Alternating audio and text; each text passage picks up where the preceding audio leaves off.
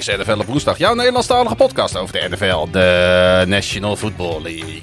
In een serie van acht afleveringen kijken we vooruit naar het seizoen 2022 met vandaag de eerste, de NFC North. Kunnen de Vikings het de Packers moeilijk maken en moeten de Bears zich zorgen maken dat, ze, dat de Lions ze voorbij gaan? We hebben het erover in NFL op woensdag, seizoen 3, aflevering 8.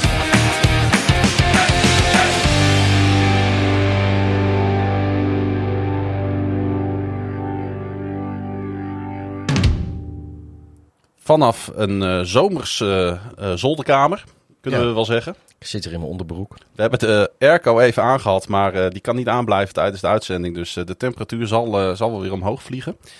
Hey Pieter, de aftrap van onze previews voor het komend seizoen. Acht divisies en we beginnen met de NFC North.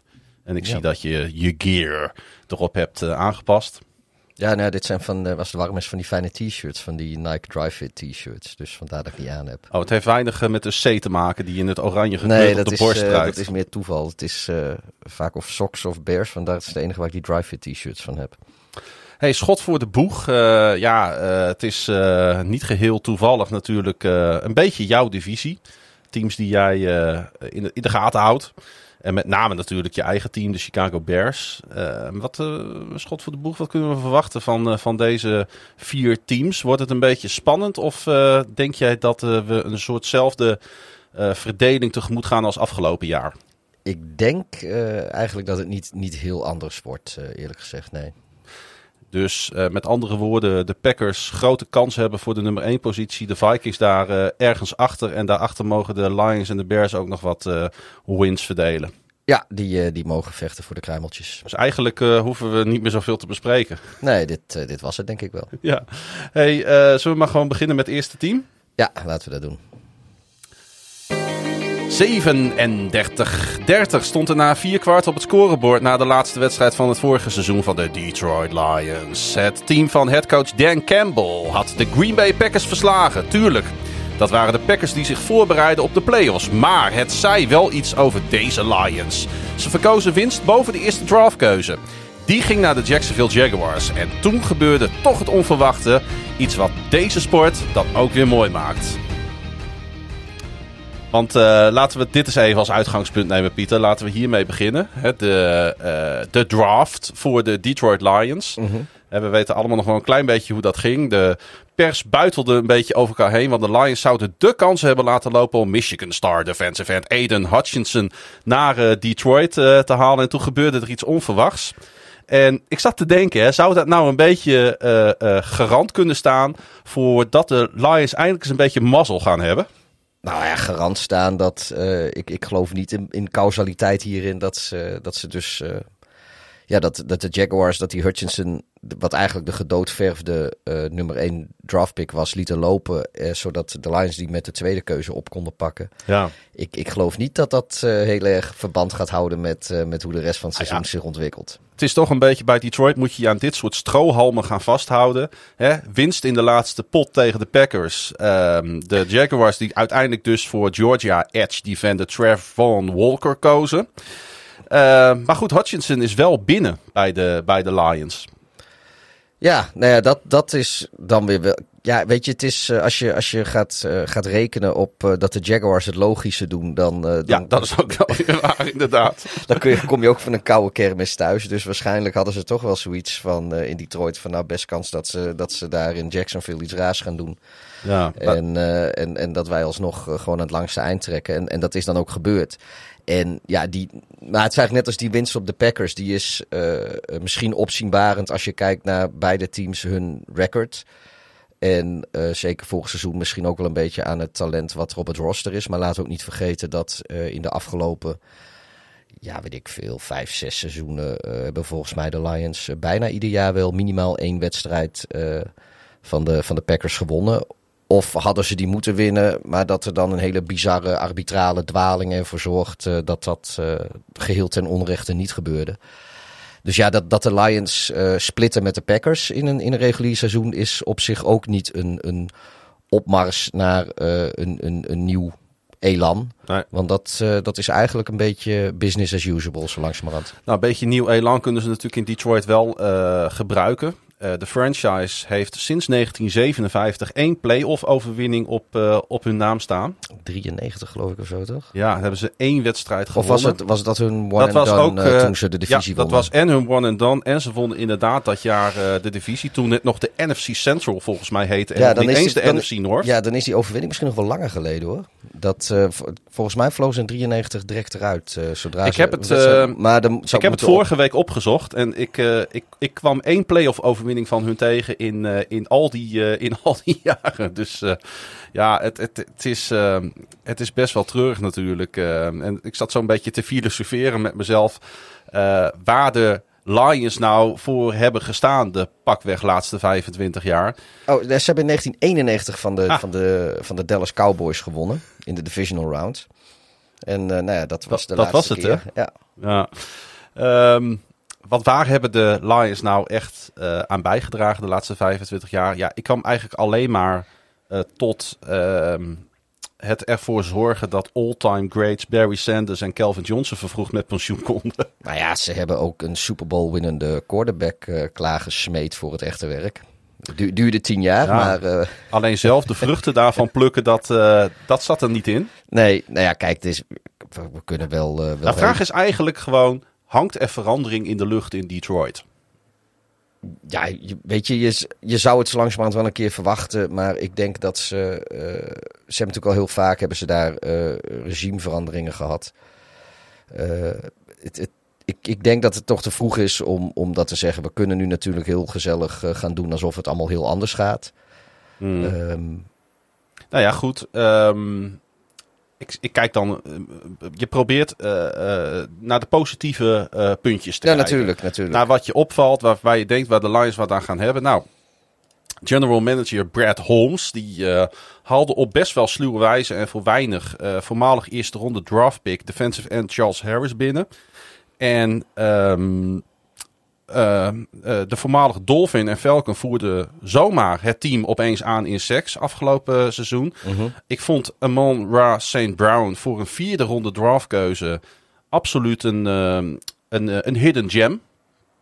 Hij eh, pakte ook het Lions rookie record voor receptions en receiving yards. Dat is toch de broer van, van die, eh, Van de Quadamus. die van de Packers naar Ja. Chicago gegaan is.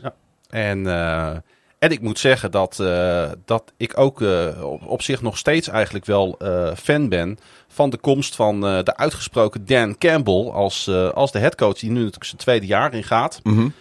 Ehm, ja, je kunt natuurlijk van alles van deze man vinden. En hij zegt af en toe, zeker voor ons Nederlanders, best wel belachelijke dingen natuurlijk. Dingen die ja, coaches bij bijvoorbeeld een Nederlands eredivisie-team niet snel zouden zeggen. Maar ik heb wel het idee gehad dat de spelers voor hem door het vuur zijn gegaan afgelopen jaar. Ja, ik, ik, ik kijk er een beetje twee, tweeledig naar. Want eh, enerzijds is die, eh, is Campbell natuurlijk wel iemand die, eh, die inderdaad zijn team weet te motiveren. En daar hebben ze ook zeker vruchten van geplukt. En dat, dat was ook echt wel duidelijk te zien. Aan de andere kant, hoe goed hij als motivator misschien ook, of nou niet misschien, hoe goed hij ook is als motivator. Ik heb nog wel een beetje mijn twijfels bij zijn tactische gochme. Ehm, dat zag je vorig jaar ook wel heel vaak. Dat, eh, dat ondanks dat ze ja, hartverwarmende inzet, eh, zijn er toch Mm. ook onbegrijpelijke dingen die er af en toe gebeuren. En deels is dat misschien, of kwam dat misschien ook wel op het konto van die, eh, van die Lin. Die eh, op een gegeven moment, geloof ik, ergens in week 12 of 13 of zoiets, hebben ze die aan de kant geschoven eh, vorig seizoen. Toen ging het ook spontaan beter met de Lions Ging het, ook, trouwens. ging het ook wel wat beter, maar ik, ja, ik, ik, ik ben nog niet overtuigd van, van, van zij, hoe, hoe, hoe sterk hij tactisch is en of dat lang houdbaar is in de league. En, Hij en, moest- en, met dat, en met dat motiveren is het ook zo. Op het moment als de, de successen een beetje uitblijven of eh, de spelers die, eh, die krijgen op een gegeven moment een beetje genoeg van, eh, van het trucje. Want Ja, ja. het zijn natuurlijk trucjes en op een gegeven moment ga je daar een beetje doorheen prikken. Dus ja, dat, dat, dat, dat zijn wel dingen waar ik twijfels bij heb. Maar als het gaat zoals het vorig seizoen eindigen, dan, dan kon het best wel eens eh, een leuk seizoen Nou worden. ja, want laten we daar heel kort nog even op terugblikken. De Lions die starten eh, met dubbel T. Afgelopen seizoen eh 0-10-1. Tegen wie speelden ze ook alweer gelijk? Was tegen de Steelers, geloof ik, hè? Ehm, was, waren zij dat? Ja, hè? Met die, Ja. ja, volgens mij was het tegen de Steelers. Ja. Ja, het was een vreselijke wedstrijd Ja. met ongelooflijk veel fouten, maar wel hilarisch om naar te kijken. Ehm eh 0-10-1, maar we moeten wel eerlijk zijn, daar zaten een aantal hele kleine ne- nederlagen bij die zomaar de andere kant op eh, kunnen vallen. Ik noem bijvoorbeeld even de eh, record winning field goal van Justin Tucker van de Ravens in Detroit. Mhm. Eh, en van de laatste zes wedstrijden wonnen de Lions er drie. En ik weet je, niet of je dat nog kan herinneren. Die streak die startte met die waanzinnige final play win tegen de Minnesota Vikings. Wat ik echt een van de absolute hoogtepunten van het seizoen 2021 vond. Misschien ook wel omdat ik het eh, de Lions een beetje gunde op dat moment. Maar ehm, ze zijn er nog lang niet, hè? Want ze sudderen, eh, kliederen maar eens een, be- een beetje door met Jared Goff. Wat natuurlijk niet de franchise quarterback is waar ze in Motown al zo lang ehm, ja, naar smachten. hè. Nee, hij is, hij is Detroit, is die meer een Detroit quarterback dan dat hij even de Rams Ja. quarterback is die, die ze gehaald hebben. Het is, het is ja, je, kan, tenminste ik kon er niet aan afzien dat hij eh, een team ooit naar de Super Bowl heeft, eh, heeft geleid. eh. Nee, ehm, ja, ehm, het defense staat er niet goed voor. Ik zie zwaktes en gebrek aan diepte op verschillende posities. Linebacker, cornerback, interior defensive line. Ik vind de offensive line van de ehm, Detroit Lions wel uitstekend. En ik vind dat ze op skill positions, eh, ik weet niet hoe jij daar tegenaan kijkt, best wel een aantal interessante spelers hebben. Zeker wanneer die eerste ronde receiver eh, Jameson Williams gerevalideerd is van zijn ACL-blessure die hij vorig seizoen opliep bij Alabama. Ja, moeten we wel even inderdaad kijken hoe, hoe die daar ook van revalideert. Uiteraard. Of hij, eh, of hij de trades die hij had, of hij, eh, of hij die houdt. En eh, het is natuurlijk te hopen voor de Lions dat hun tight end, hè, die Hawkinson, eens een keer een eh, volledig seizoen kan, eh, kan spelen. Ja, want dat is ook in het. Ja, als je fantasy speelt, dan is het eh, op zich altijd wel een interessante prospect. Ja. Maar eh, ja, vroeg of laat in het seizoen kun je hem toch alweer eh een poosje op de bank hebben. Want hij is, hij is redelijk vaak, tenminste voor mijn gevoel is hij redelijk vaak geblesseerd. En toch eh, ehm, ja, proef ik niet bij de Lions dat ze er helemaal voor gaan. Ze gaan eh, niet volledig all-in. Tijdens off-season hebben ze het ook eigenlijk best wel rustig aangedaan. Ze hebben een aantal spelers gehaald. eh, waarvan het best zou kunnen dat andere teams er een beetje bij langs gekeken hebben. Ze hebben bijvoorbeeld receiver Chark van de Jaguars gehaald. Safety Deshaun Elliott van de Ravens. Cornerback Mike Hodges van de Chiefs. Eh, en een voormalig eerste ronde draftkeuze. Dat vond ik wel grappig. Van notabene de Lions zelf. Jared Davis. Die hebben ze weer teruggehaald naar een eh, jaar New York Jets. Dus je draft een speler in de eerste ronde. Hij gaat gaan. vervolgens weg. En je haalt hem vervolgens na een jaar ook weer terug. Dat is natuurlijk een raar eh, mechanisme. Ja, dat zie je ook niet heel veel. Nee, dus die vond ik eh, eigenlijk wel opvallend. Maar ehm, al die spelers hebben ze een contract gegeven voor één jaar. Ja, nee, dat, dat, is, dat is denk ik ook wel logisch. Wat, Ja. ze, ik, ik, wat ik een beetje zie hier is dat ze spelers halen. Zeker eh, eh, de, de aanvallende spelers die ze hebben gehaald. Dat, dat zijn spelers die een beetje ja, vanilla zijn, zeg maar. Het is niet dat, eh, dat ze heel een, een hele uitgesproken bepaalde speel, skillset hebben die, die, eh, die, die ondersteunend is eh, aan een bepaalde low risk, low... low eh, Ja, maar ze, ze, kijk, zij weten natuurlijk ook wel dat Goff niet de quarterback voor de toekomst is. Nee. Maar ze weten ook nog niet wie dat wel gaat zijn. Exact. Dus een beetje afhankelijk van. ze hebben vast wel in hun hoofd wie ze graag de, de komende weet ik hoeveel jaar als quarterback daar willen hebben. Ik neem aan dat zij heel fanatiek aan het scouten zijn in, bij de verschillende colleges. Bij de quarterbacks die volgend seizoen of misschien het seizoen daarna eligible zouden worden voor de draft. Er zijn natuurlijk meer kapers op de kust. Maar er zijn meer kapers op de kust. En, en verschillende quarterbacks hebben verschillende speelstijlen. die weer ondersteund zouden moeten worden. door verschillende type eh, receivers of running backs. Dus je en merkt misschien dat ook ze wel heel terughoudend zijn. Dus ze zijn daar wat Ja. terughoudend in. Want ze weten nog niet eh, wie, eh, wie, ze, wie ze eigenlijk voor, van wapens moeten gaan voorzien. Dus ik denk dat dat, dat een beetje meespeelt Dus is het dan in het hun. zoveelste overbruggingsseizoen voor Detroit? Nou, overbruggingsseizoen is, is het mi- misschien niet helemaal. eh, maar ja, je, wilt ook niet te hoog eindigen als je Ja, er vol nou, voor ik- wil ik, gaan ik, natuurlijk. Ik, ik denk wel, kijk, als zij daar, dit, dit hebben we vorige se- seizoenen in de podcast heel vaak besproken. Je gaat natuurlijk niet, niet tanken en een winnende cultuur neerzetten is ook heel belangrijk. Maar je gaat natuurlijk niet, eh, all-in eh, op spelers die, waarvan je niet weet of, of ze nog net zo waardevol zijn als jij eh, eh, eindelijk de quarterback hebt die, je- die je wil gaan hebben. En je gaat ook niet all-in op, op Jared Goff op dit moment. Dus ja, ze zitten wat dat betreft een beetje in een lastige positie. Ja, het is een beetje het inpassen. Ik kwam één groot vraagteken op het roster tegen. Nou, daar hebben we het vorige week al over gehad.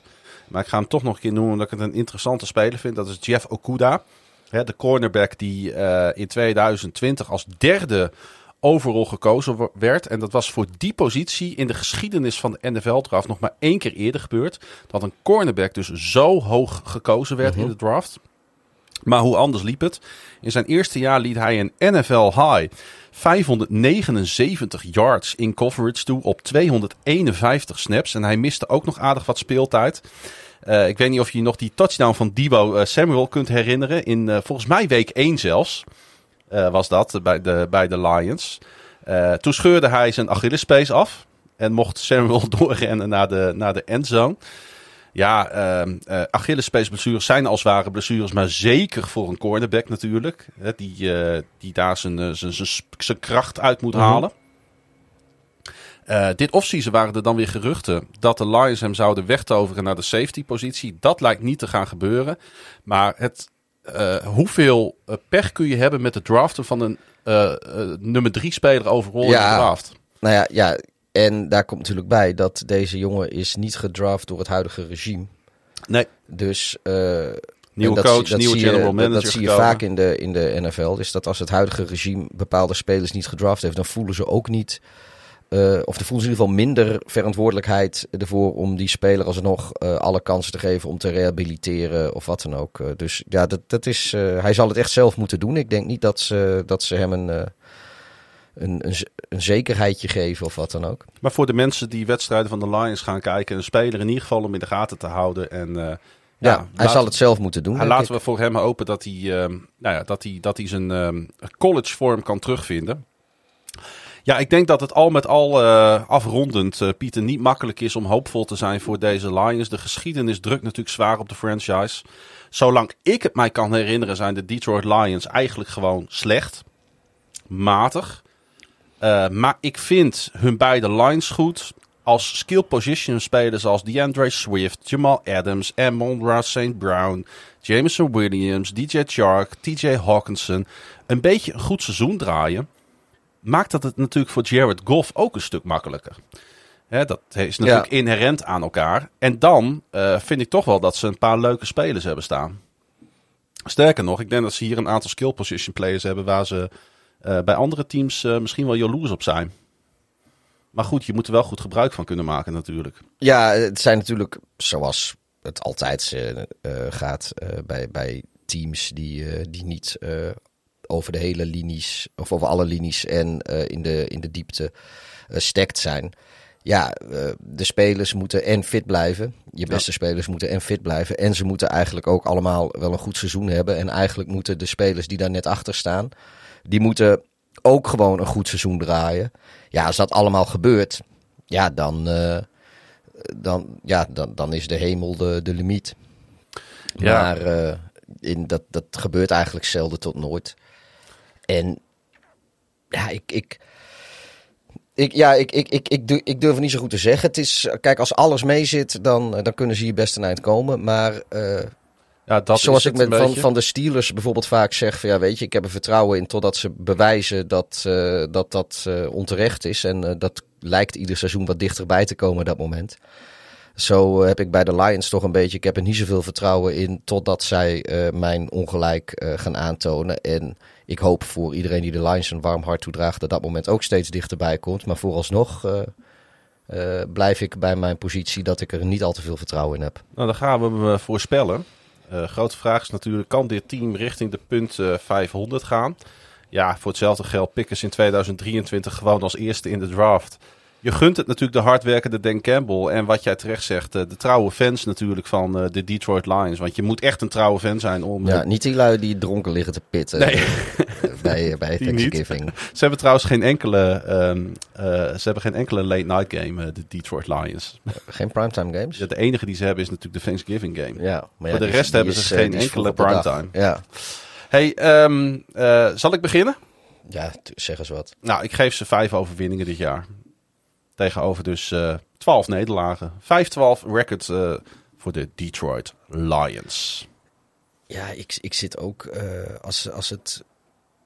Ja, ik, ik, zie, ik zie ook daar niet heel veel, eh, veel beter in. Dus ik, ik, eh, ik denk dat ik ook gewoon voor vijf eh, ga. Vorig jaar draaide het om maar één ding. De ontwikkeling van Justin Fields. Alleen spijtig genoeg voor hem en de fans van de Chicago Bears was dat in een bijzonder matige offense. Van een gespreid bedje was dus alle minsprake. Coach Matt Nagy liet de jonge quarterback bij tijd en wijle hulpeloos spartelen. En het is enkel en alleen aan het talent van de nu tweedejaars te danken dat er af en toe wat te genieten viel. Hoogste tijd is om Fields en de fans dit offseason eens te verwennen met wat hulp. Voor de voormalig elfde pick overall. Maar gebeurde dat ook? Ja, nou, voordat, eh, voordat we het gaan hebben over hoeveel hulp eh, Justin Fields wel of niet krijgt, moet ik toch echt heel even naar de koelkast hiernaast lopen. Want als we het over Chicago gaan hebben, dan wil ik toch even een speciaal biertje erbij hebben. Nou, eh, eh, gooi jij eens even een speciaal biertje erin. Dan eh, ga ik vertellen dat er vaak een blueprint voor teams is met vroege eerste ronde quarterbacks. Vaak gaan die quarterbacks naar teams die hun overige gaten op het roster niet onmiddellijk kunnen fixen. Zo snel mogelijk wordt er dan een offensive lineman ingevlogen of volgen in free agency of de draft receivers. En ook coaches worden vaak vervangen waarbij ze op zoek gaan naar iemand die zich over een jonge quarterback kan ontfermen. En ja, dat lijkt ook een klein beetje het eh, devies in Chicago. Alleen het gaat wel allemaal zo traag als eh, dikke stront door een trechter, eh, Pieter. Er zit weinig tempo in. Ja, nu, nu heeft, nu heeft Ryan Pauls, de nieuwe general manager, heeft eigenlijk meteen al gezegd van ja, ik ga niet... de eerste ronde van free agency hoef je niet zoveel te verwachten. Nou goed, er was ook niet zoveel. Nee, dat is een van de allereerste dingen die hij zei, hè? Om eh, gelijk de verwachtingen te Ja, hij temperen. zei van ik ga, niet, eh, ik ga nu niet als... eh, Geen big money players. Nee, ik, ik, ga, ik ga niet nu als een gek geld uitgeven aan spelers die, die we misschien of niet nodig zijn of, of dat geld niet waard zijn. En dat is natuurlijk ook zo. De, tenzij je dus een heel goed team hebt met een paar gaten, dan, dan kan het lonen om, om in die eerste ronde van free agency gewoon even eh, een hele bak geld uit te geven om, eh, om die gaten die je nog hebt op, op het roster, om die met, eh, met talent in te vullen. Maar als jij een team hebt die over de hele. ja, eigenlijk over, over alle drie de fases van het team wel versterking kan gebruiken. Is dat gewoon niet zo verstandig. Want of je nou een, een, een first tier of een second tier of een third tier, cornerback bijvoorbeeld eh, in free agency haalt. Ja, dat, dat gaat je record eh, niet, niet echt eh, veranderen als de rest van je team gewoon best wel meh is. Dus je kunt beter de centen nog even op zak houden, wil jij er eigenlijk mee zeggen. Nou ja, hij zegt ik ga, ik ga bouwen door in de draft. En eh tuurlijk zal er in free agency wel eens wat gebeuren. Maar daar gaat dus niet de, het zwaartepunt liggen. Nee. Alleen, ja, het nadeel is dat dat vorige regime heeft hem bepaald niet met een, een overweldigende hoeveelheid draftpicks eh Nee, eh, opgescheept. ook dat nog eens niet. Hey, eh, nog even de situatie schetsen. schetsen. Matt Nagy werd ontslagen, hè, de voormalig headcoach nu. En de Bears kozen dus voor Indianapolis Colts defensive coordinator Matt Eberflus. Waar hij overigens zeer gewaardeerd werd. Ehm, je kan veel van hem zeggen, Pieter, maar hij is geen offensive-minded coach. Nee, en dat is, hoeft geen ramp te zijn. Want nu heeft Chicago, die presteert traditiegetrouw beter met eh, defensive-minded coaches dan met eh, offensive-minded coaches. Het, eh, wat belangrijker is, is of die defensive-minded coach, of die voor de, als offensive coordinator wel een, goede keuzes heeft voor wat betreft het aanstellen van personeel. Ja, dat, eh, dat moet dit seizoen gaan uitwijzen met, eh met Luke Getzi. Ja, je zei het al, eh, Ryan Pols, de nieuwe general manager. Want ook Ryan, hij heeft toevallig dezelfde voornaam, Ryan Pace, die werd... eh, Nou, de coach, Ontslagen. de coach heeft ook dezelfde voornaam, hè? Ryan en Ryan zijn vervangen Ja. door Ryan... Of Ryan en Matt zijn vervangen door Door- Ryan en Matt. Inderdaad, nu je het zegt. Het is, wordt heel verwarrend dit, maar het klopt inderdaad. Ehm, Dus ehm, ja, nog even voor de luisteraars. Ryan eh, Pace is vervangen door Ryan Pols. En eh, Matt Nagy is vervangen door Matt Eberflus. Ja. Die we vanaf nu gewoon Vloes zullen noemen. Dat is makkelijker, denk ik, dan... eh Gewoon, je wilt hem gewoon afkorten. ja, gewoon Vloes. Oké. Het is sowieso een beetje een gekke naam natuurlijk. Hey, ehm, eh, free agency was nog niet uh, begonnen. Of uh, Chicago zag natuurlijk, en dat lag in de lijn der verwachtingen, hun number one receiver Allen Robinson, de second, tekende bij Super Bowl kampioen LA Rams. En ze zagen ook nog eens guard James Daniels uh, kiezen voor drie jaar en 26,5 miljoen dollar in Pittsburgh. twee gevoelige verliezen, maar ik denk dat jij ze wel had zien aankomen. Hè? Ja, Daniels, dat was uh, dat leek uh, heel wat te worden. Ik was best enthousiast over die, uh, over die draftpick destijds. Maar zijn ontwikkeling bleef een beetje achter. En Pols die heeft ook een heel ander idee van hoe een offensive line in elkaar moet zitten. Waar Daniels een van zeg maar zo'n hele grote, brede, ja. fysieke. die, ja, die eigenlijk vooral zeg maar, van zijn gewicht moet hebben, om het zo maar te zeggen, om dat in de strijd te gooien, wil Pols eigenlijk liever wat minder zware maar atletischer linemen hebben. Die het moeten hebben van hun atletisch vermogen. En dat, uh, ja, daar is uh, Daniels is daar slachtoffer van geworden. Hey, als je nou dit team bijvoorbeeld moet vergelijken met een ander team met een jonge quarterback, de Miami Dolphins, dan zie je dat Miami op dit moment helemaal all-in is voor Tua. En de Bears zijn dat niet voor Fields. Um, Ebe Vloes, Vloes het, uh, zei op de, zag ik op de website van de Bears zeggen: Het draait niet allemaal om Justin. We willen ons hele team beter maken en ontwikkelen. Uh, ja, ik denk dat dat, uh, dat dat veel zegt over de huidige staat natuurlijk van de Chicago Bears. Hè? Ja, ik, ik denk niet dat de Dolphins en Tua dat dat een goede vergelijking is. Ik zou zelf de Bears van dit seizoen misschien eerder vergelijken met de Eagles van vorig seizoen zoals zij zaten met uh, uh, Jalen Hurts, zo mhm. zitten zij nu met, uh, met Justin Fields. En het probleem voor wat, wat Fields eigenlijk vorig seizoen had in Chicago, is dat hij van begin af aan niet de eerste quarterback was. Ook al was hij wel de eerste ronde pick en de quarterback van de toekomst. Hij heeft heel trainingscamp vorig seizoen heeft hij nul keer meegetraind met de ones de enige keren dat hij. Uh, vandaar ook dat hij met Mooney zo'n goede verstandhouding had. Want daar heeft hij wel uh, mee getraind. En mm. daar heeft ook privé veel mee getraind. Um, en uh, het hele playbook was wat Matt Nagy wilde. En dat was niet zozeer wat aansloot bij wat Justin Fields nou wel of niet kan. dus ja, je zag ook, Fields was eigenlijk een beetje de, nou ja, ze, ze, ja, het was, het was de, of de tweede quarterback een beetje achter. Uh, uh, God weet, jongen nou van de Bengals, die ik ben nu alweer vergeten, de Red Rifle. Uh, Andy Dalton. Andy Dalton. En, maar ook, ook Nick Foles heeft nu natuurlijk volgens nog mij backup bij de Saints trouwens. Ja, ook, ook Foles heeft natuurlijk nog gespeeld. Ja. en ja, eigenlijk op het moment dat, dat, dat Fields in het diepe werd gegooid, kwam hij dus met spelers te staan waar hij geen chemistry mee ontwikkeld had. In een systeem waar hij uh, zich niet in, in thuis voelde, niet aansloot bij zijn competenties. En... Even, Pieter, met de kennis van nu. Waarom zijn de Bears nog een jaar doorgegaan met, met Nagy? Want daar kun je nu op terugkijken natuurlijk.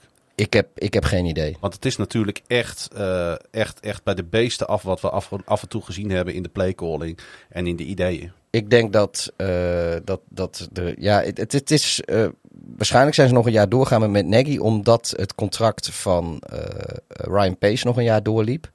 En die heeft besloten om niet een nieuwe headcoach aan te stellen om, in zijn laatste jaar. Want dat weet je, je gaat geen goede, sowieso geen goede headcoach krijgen al, als jij als een, een lame duck general manager er zit. Nee. Dus ja, ik, ik. Het heeft jullie gewoon een, een, ja. Het, nou ja, het heeft de ontwikkeling van Fields heeft het, uh, is, het, nou, is het ten koste van gegaan. Precies. maar om terug te gaan naar de, naar de vergelijking met de Eagles die ik eerder maakte. Mm. Ze hebben nu dus ja, ze hebben misschien niet die dikke splashy O-line players gehaald. ze hebben niet ze hebben Khalil Mack zelfs weggetrade. Ja, maar die, dat, dat, dat vind ik op zich ook niet zo'n rare keus. Want uh, dit jaar ga je niet spelen voor de prijzen, dat weet iedereen. Ja. En uh, vorig jaar bracht hij ook al niet meer wat hij waard was. Want hij was natuurlijk uh, best vaak geblesseerd. en de defense, die was gewoon prima. ook in de wedstrijden waar Mac niet speelde. Dus dan kun je eigenlijk, dan kun je nu beter in dit seizoen die dead money slikken. En dan volgend jaar is die gewoon van de, van je kasboek af. Het mag duidelijk zijn, alles staat eigenlijk in het teken van 2023. Hey, Chicago probeerde één uh, grote vis binnen te halen, maar dat bleek uh, een rotte vis te zijn. Chicago tekende namelijk defensive tackle Larry Ogunjobi voor drie jaar en 40,5 miljoen dollar. Hij kwam echter niet door de fysieke test heen.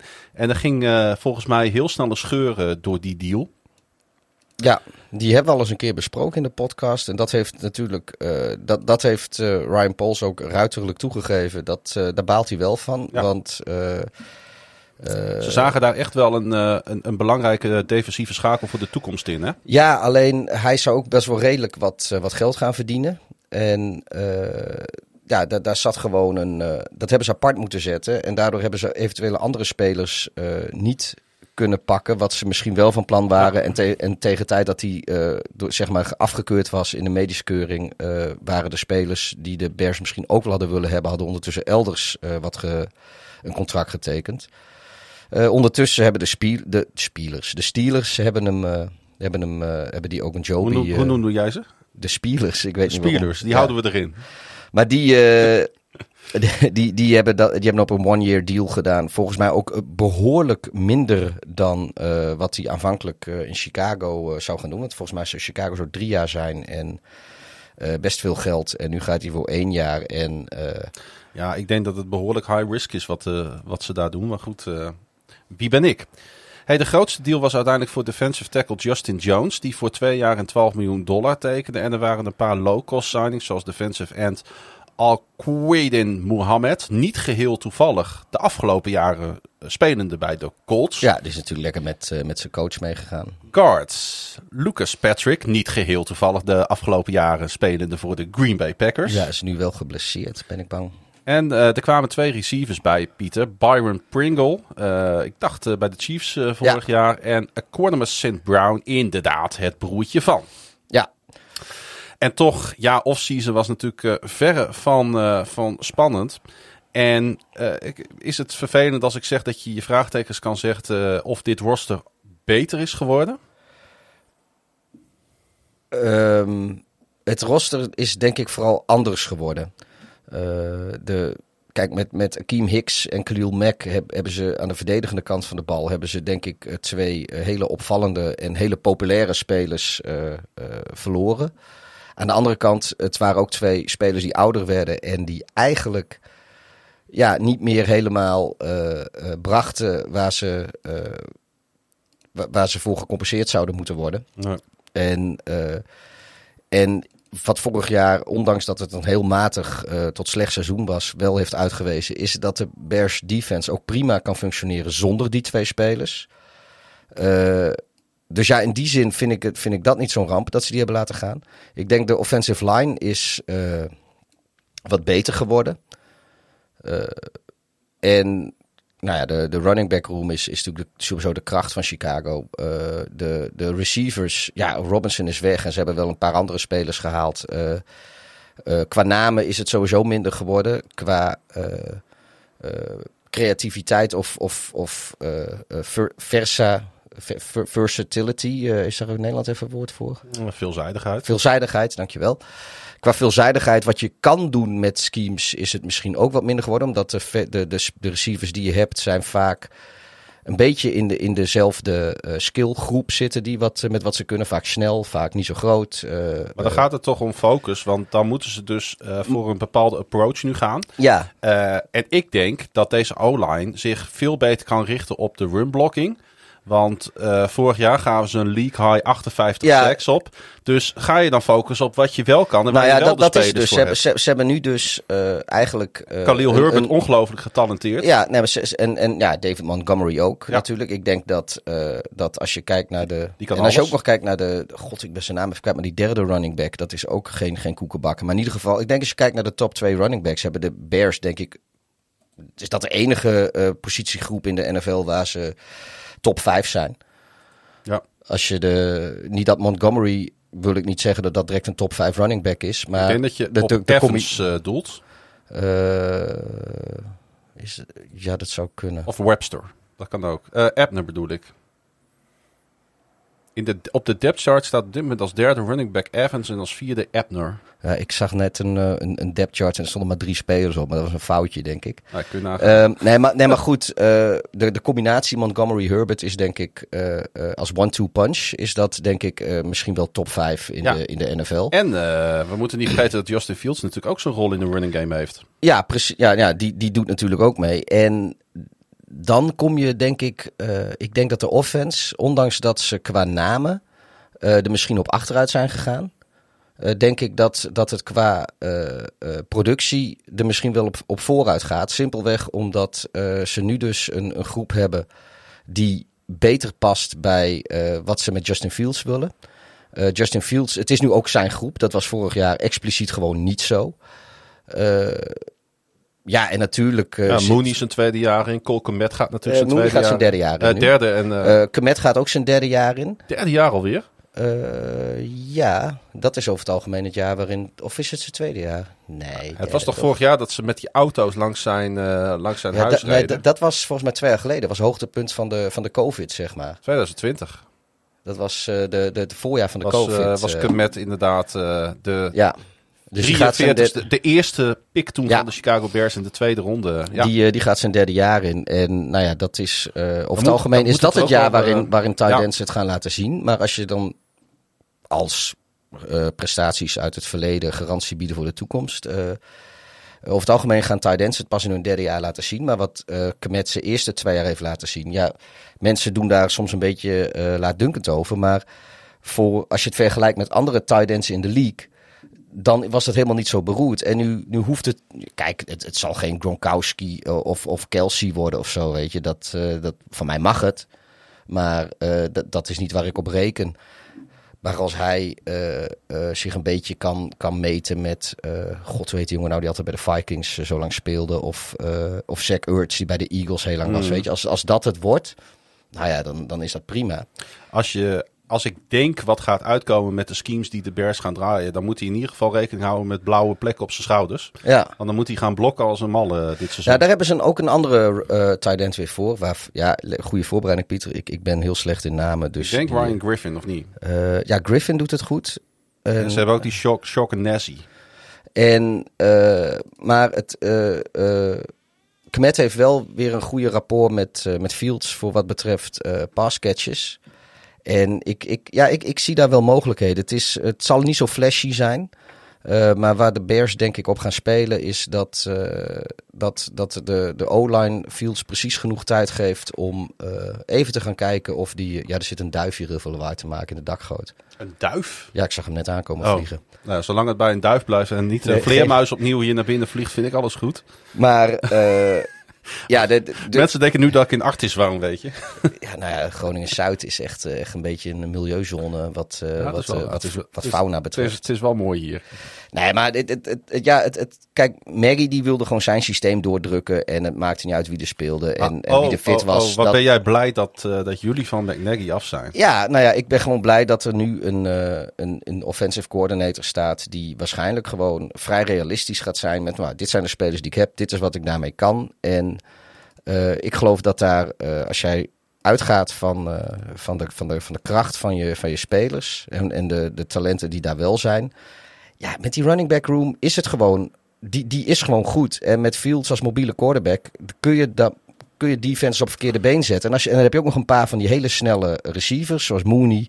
Maar ook eh St. Brown en Pringle. Dat zijn ook allemaal van die jongens die eh, je knip, knip het even met je ogen en ze staan eh, 20 yard weg. Maar de O-line ben ik dan weer minder fan van. Ja, nou ja, hij is beter dan vorig jaar. Ontegenzeggelijk beter. Maar goed, En ja, ik, dus ik denk van qua de offense, eh, denk ik toch dat ze beter zijn geworden. En dan vooral omdat de, de O-line eh, wat beter is. En eh, het is ook een O-line die van begin af aan erop ge- getraind wordt om te doen wat. Om, om in dienst van Fields te spelen, in plaats van in dienst van een systeem. Ja. Ik vind het een beetje een containerbegrip, maar ik denk gewoon dat het allerbelangrijkste is dat er met Vloes en met, ehm, hoe heet die nieuwe coördinator van jullie? Getsy. Getsy, dat er toch gewoon een nieuwe frisse wind en een nieuw elan in, Ja. deze, in dit team en deze franchise komt. Ik denk dat, en, en, en dat laat zich uh, moeilijk uh, vertalen natuurlijk naar wins of losses of, of uh, de toekomst van een franchise. Maar ik denk dat dat vooral is waar veel mensen op de tribunes van Soldier Field naar snakken.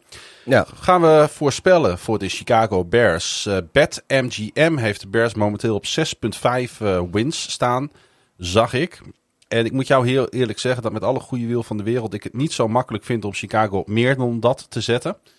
Waar, uh, waar zet jij uh, jouw Chicago Bears op dit moment op? Nou, ik denk dat het. Uh, nou, kijk, wat BetMGM als line zet, dat is natuurlijk niet wat ze verwachten, maar waar ze denken het meest geld op te kunnen verdienen. En vorig jaar hebben ze zes wedstrijden gewonnen, waarvan een aantal uh, nederlagen hebben ze ook gehad, die, die gewoon ja, eigenlijk bizarre nederlagen. Ik noemde Pittsburgh Steelers uh, die wedstrijd bijvoorbeeld. Toen zaten de zebra's niet helemaal mee, hè? Nee, maar dat, dat weet je, daar word je gewoon een loopzuivere touchdown word je door, de, door de neus gedrukt. En er wordt Beste een... wedstrijd van Justin Fields van het hele seizoen. Ja, klopt. Uh, nou ja, de, de wedstrijd tegen de Ravens, daar weet jij ook, die hebben ze verloren. Maar die hadden ze ook uh, net zo makkelijk kunnen winnen. Ja. Zeker als, uh, kijk, nu speelde Jackson niet voor de Ravens. Maar Fields, die viel ook al een paar minuten in het eerste kwart, viel die uit. hebben wij bijna 300 euro per kaartje voor betaald. om daar naar te zitten kijken, joh. maar, ja, klopt. Nee, maar, maar goed, dus dat... Allemachtig. Uh, nee, maar weet je, dat ik, en uh, vorig jaar hebben ze dus hebben ze zes wedstrijden gewonnen. Uh, in, in, in het, een van de pittigste schema's van, van alle 32 NFL-teams. Dit jaar hebben ze een van de makkelijkste schema's van alle NFL-teams. En ik geloof er gewoon in dat de defense niet heel veel minder is geworden. Misschien is de defensive line uh, is, is wat minder geworden. Uh, maar de secondary is een heel stuk beter geworden. En de offense is, wat ik net zeg, is qua namen uh, misschien erop achteruit gegaan. Maar het feit dat je nu gewoon een, een offensive scheme gaat doen. Moet zich natuurlijk nog, we hebben nog geen wedstrijd gezien. Maar ja, daar is preview podcast voor. Maar ze, ze zijn nu van plan om in ieder geval een scheme te spelen die past bij wat ze hebben. Ja. En niet bij wat ze willen. Dat ja, is een groot verschil. dus afrondend, waar ga jij op inzetten? Ja, ik, ik, ik vind het. Ja, dus ik, ik zet gewoon acht. Fuck it. Acht overwinningen gaan ze gewoon pakken. Acht overwinningen en dat betekent uh, dus uh, negen nederlagen. Ja, het kan ook net zo goed anders. Dit is zeg maar de nieuwe punt 500. Uh, 8-9 of 9-8, dat is maar om het even. Hey, uh, eigenlijk moeten we nu door naar de Minnesota Vikings. En we zijn uh, niet een podcast die het maar Zet jij ze dan op 6 of op 7? Want de, de, de line is dus 6,5. Ik zet ze op 5. Jij zet ze op 5. Ja, ik zet ze op 5 en 12. Ik heb er ongelooflijk weinig vertrouwen in. En ik denk ook dat de tiebreaker naar de Detroit Lions gaat. Dat zou op zich wel weer goed nieuws voor het schedule van 2023 zijn voor de Bears. Hey, um, en toch uh, ga ik het laatste nieuws er wel even bijpakken. Want oh ja, het, uh, Smith uh, het, het, was een, het was een breekje. Uh, vlak voordat wij gingen opnemen, want uh, Bears linebacker, hoe zeg je het? Roquan Smith. Roquan Smith heeft een statement online gegooid waarin hij vraagt om een trade. Nadat contractonderhandelingen tussen hemzelf en de franchise uitliepen op een impasse, de 25-jarige linebacker schrijft dat hij vindt dat de nieuwe front office regime zijn aanwezigheid als speler van de Bears niet genoeg waardeert en al sinds april proberen organisatie en spelen tot overeenstemming te komen, Pieter. Ja. Ja, de als achtste overall gedrafte speler in de draft van 2018. Uh, ontegenzeggelijk een van de beste spelers van de Chicago Bears, denk ik. Ook als je kijkt naar zijn stats. Mm -hmm. uh, ieder seizoen goed voor minimaal 100 tackles. Een interceptie. All-pro inderdaad. Um, ja, ergens uh, voel je wel dat dit uh, een, een long uh, time bear zou kunnen worden. Maar het gaat nu totaal de andere kant op. Ja, ik, ik maak me nog steeds niet, uh, niet, niet heel veel zorgen hierover. Kijk, het is, uh, ik heb dat in de vorige uitzending of die daarvoor heb ik al gezegd van deze man die is ook aan het onderhandelen zonder agent. En nou ja, daar, daar heb ik al vorige keer van gezegd, ja luister, dan wordt meteen alles persoonlijk, want je hebt geen filter meer. En dat team doet gewoon zaken. En wat, hij, uh, wat, wat hier is gebeurd, waar hij uh, uh, kwaad over is, Roquan Smith, is dat er zitten de-escalators zitten in het contractvoorstel van de Bears. Normaal gesproken zitten de escalators in een contract van, ik noem maar wat, als jij 10 seks 10 seks of meer haalt, krijg je een miljoentje per jaar erbij. Of als ja. jij uh, uh, naar de Pro Bowl gaat, krijg je er uh, vijf ton per jaar bij. Ik, ik noem maar, weet je, dit is allemaal pure fictieve cijfers, maar dat soort dingen. Of, of zo, meer dan zoveel tackles, zoveel snaps, zoveel wedstrijden. noem het maar op. En eh, hier zitten de-escalators bij. En dat is dus eigenlijk het omgekeerde. Eh, van als jij niet minimaal zoveel seks haalt, dan gaat er een miljoen per jaar vanaf. En dat vindt hij heel beledigend. Maar eh, in, de, in, de, in de flow van contractonderhandelingen is het, kan het, is het op zich niet heel zo, hoeft het niet heel gek te zijn. Want hij heeft ingezet op eh, vijf jaar 100 miljoen om en nabij. Dat is dus 20 miljoen per jaar. En dat is voor zijn positie gewoon verschrikkelijk veel. Dan is hij een van de best betaalde linebackers in de league. Ehm, maar hij is een inside linebacker die niet een grote rol speelt in de pass defense. Hij moet het vooral hebben van, van de run defense en van, van infield tackles. Wat op zich prima en waardevol is. Maar eh, met, met, ja, om het, om het eh, je bent dan zeg maar niet de quarterback van de defense, maar de running back van de defense. Dus als je Hmm. echt heel goed bent, maak je wel het verschil. Maar eh, Hij het speelt, verschil hij dat je- speelt echt in die, in die, in die zone box achter de... Nee, maar wat, wat, wat wij natuurlijk altijd van running backs zeggen... en waarom running backs de laatste jaren al niet meer extreem dikke contracten krijgen... is omdat zij... of je moet echt een absoluut toptalent zijn... ben je relatief vervangbaar. En eh, eh, je... je als, want als de, als de scheme goed is, als de O-line goed is en, en de playcalling is verder goed, dan kun je als, eh, hoef je geen absolute top running back te zijn om een absoluut topseizoen te draaien. Of om heel waardevol te zijn voor je team. En dat is met een off-the-ball eh, inside linebacker ook een beetje zo. Dus de Bears die hadden zoiets, waarschijnlijk. Ik was natuurlijk niet bij die onderhandelingen. Dit is mijn interpretatie van de hele situatie. Je was even in Groningen. Die ik, eh, ik heb even gebeld met, me, met, met Vloes. En eh, ik zei, oh Vloes, what's up? En eh, ehm, ik denk dat de Bears hebben gezegd van luister, weet je, als jij dit soort geld wil gaan verdienen, dan moet jij dit en dit en dit en dit ook doen. En als je dat niet doet, dan gaat er wat vanaf. En in onderhandelingen is dat op zich natuurlijk helemaal niet zo gek. Want de Bears willen voor de Bears de beste deal en Smith wil voor Smith de beste deal.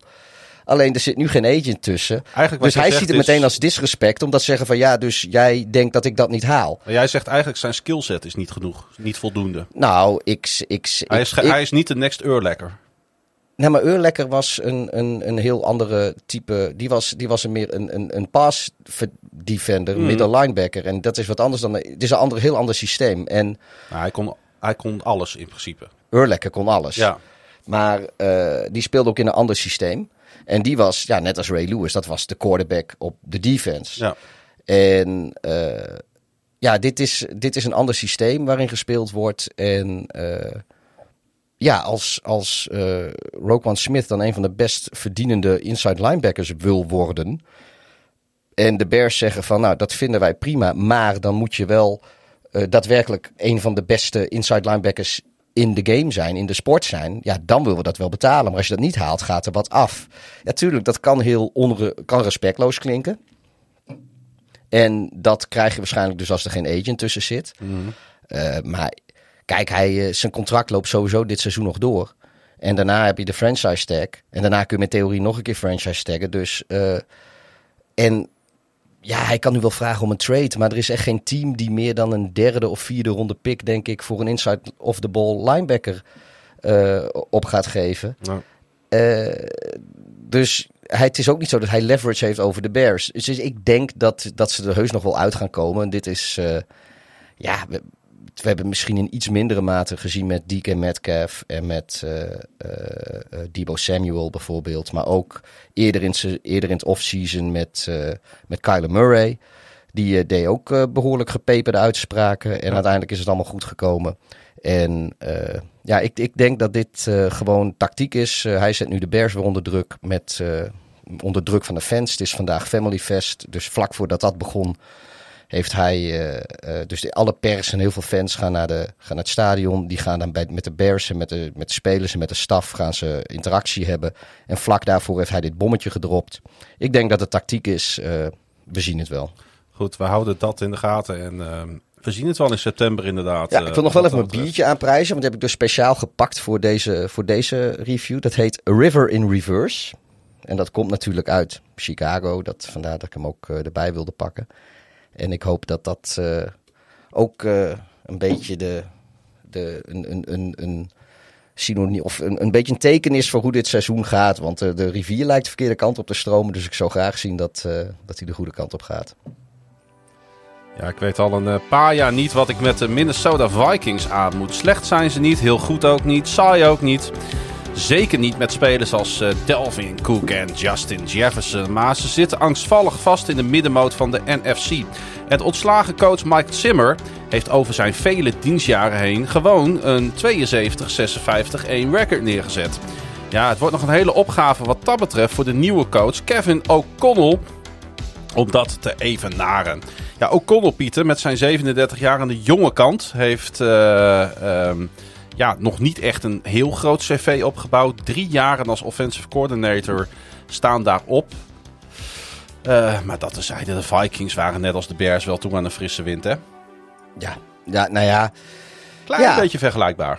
Ja, het, ze zitten net uh, een, een, een winstpartijtje of twee hoger ieder seizoen dan, dan de Bears. Maar uh, het is inderdaad... Maar net zo vast eigenlijk in... In, in, ja, het, het, het gaat niet vooruit. Het gaat nee. ook niet echt achteruit. Precies. Maar ze zitten ook niet waar ze wezen willen. Nee. Een 8-9 record hadden ze. En dat was gelukkig eigenlijk genoeg. Uh, en ik denk dat die nederlaag, waar we het eerder al over hadden tegen de Detroit Lions in week 13. Wat toen de eerste overwinning van de Lions was. Uh, ook uh, een soort van laatste zetje heeft gegeven om, om Zimmer eruit te werken. Het was ook het moment dat, dat de playoffs opeens uit het zicht raakten. Ja, een nieuwe coach dus. Maar aan het roster is eigenlijk niet zoveel gesleuteld hè, bij, de, bij de Vikings. Nee, het is, ik, ik kan niet zeggen dat ze nou uitgesproken beter of minder zijn geworden. Uh. Nee, ze hebben natuurlijk uh, uh, ze hebben de keuze gemaakt, ondanks dat er belangstelling voor hem was en dat er ook geruchten waren voor trades. Gaan ze gewoon door met Cousins? Wat vind je daarvan? Ja, nou, wie anders? Ja, maar dat, dat is inderdaad. Volgens mij contractueel was het ook verschrikkelijk onvoordelig om, om hem van hem af te geraken. Volgens mij zit je dan ook met, met, met, met vele tientallen miljoen aan dead money in één keer. Ja.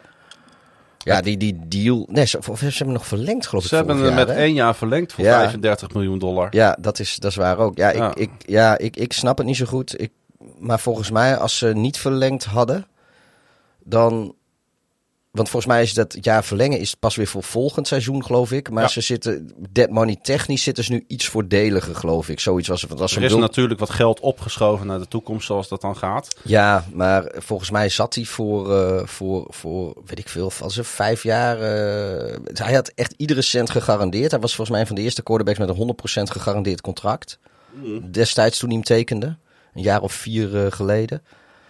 Ja, ik, ik, ja, ik, ik ben geen fan van Cousins, dat weet je. Dat uh, uh, zal ik ook niet snel worden. Nou, ga ik zo meteen nog wel even wat tegen inbrengen. Um, O'Connell dus, want laten we daar eens even bij stilstaan. Laten we sowieso eens even stilstaan bij die veranderingen. Want in plaats van het dumpen van spelers werd longtime general manager Rick Spielman uh, ontslagen. De nieuwe man heet Kwesi Odofo Mensa. Ja, klopt ja. Afgelopen seizoen was hij vice president of football operations bij de Cleveland Browns. Is volgens mij um, ook nog op uh, sollicitatiegesprek in Chicago geweest. Klopt, ja. Um, O'Connell, ja, die komt natuurlijk uit de Sean McVay school. En dat zal ongetwijfeld een grote rol hebben gespeeld in de beslissing, uh, tenminste dat denk ik, om hem aan te nemen. O'Connell was de afgelopen twee seizoenen de offensive coordinator bij de Los Angeles Rams. Hij kolde daar de plays overigens niet. En dat zal hij in uh, Minneapolis wel gaan doen. En dus zouden die schemes uh, wel eens heel veel kunnen gaan lijken op, uh, op die van de, van de Rams. Ja. En dat heeft hij ook al aangekondigd. Ja, nou ja, ik, daar, ja, daar, daar geloof ik dus al meteen niet zo in. Want ik krijg je weer onwaarschijnlijke Matt Nagy vibes bij. Ja. Want die kwam natuurlijk uit de Andy Reid school bij de Chiefs. En uh, iedereen daar gaf heel hoog over hem op. Maar echt heel veel ervaring met playcalling had hij niet. Maar hij zou wel even de Chiefs offense naar. Chicago brengen. Nou, we weten hoe dat gegaan is. En ook hier zie je dan weer dat... Uh, dat zo'n O'Connell die zegt van ja, het gaat wel, ik kan best wel eens wat op die van de Rams gaan lijken. Maar dan ga je er dus aan voorbij dat je misschien in Minnesota wel een compleet andere spelersgroep hebt dan in, in Los Angeles bij de Rams. Dus ik, ik kijk dat je dat je je baseert op wat daar gebeurd is. En dat, dat je bepaalde plays meeneemt of bepaalde, bepaalde concepten meeneemt, snap ik. En dat je uh, gewoon voornamelijk, lijkt mij, dat je mee moet nemen hoe je je als uh, uh, hoofdcoach voor zo'n team moet presenteren. Dat lijkt me het belangrijkste. Ja. Maar als je nu alweer gaat roepen van, ja, dat, dat is een beetje de, de, de kant die we op willen. Dan ten eerste eh, eh, kom je meteen met een verwachtingspatroon. Zo, want je vertelt eigenlijk van ja, wij gaan een beetje doen wat de Super Bowl eh, winnaar doet. Eh, nou ja, op het moment dat dat niet lukt, dan word je meteen tot, eh, tot, tot, je, tot je enkels afgefikt. Hij heeft En- wel en een het- iets beter roster natuurlijk dan dat Nagy in Chicago had. Nou ja, Nagy had in eh, 2018 had hij natuurlijk een prima roster. Alleen het was dat de defense daar zo verschrikkelijk goed was. Anders had... want dat, dat maskeerde een beetje de, de manco's in zijn playcalling. Ja. En ik zeg ook niet dat O'Connell een tweede Nagy is. Maar ik krijg hier dus wel heel erg een Matt Nagy vibes van. Ja. Als, als een coach eh, nog nooit plays heeft gecallt. En wel meteen even roept dat hij, eh, eh, dat, dat hij de aanval van het team waar hij vandaan komt...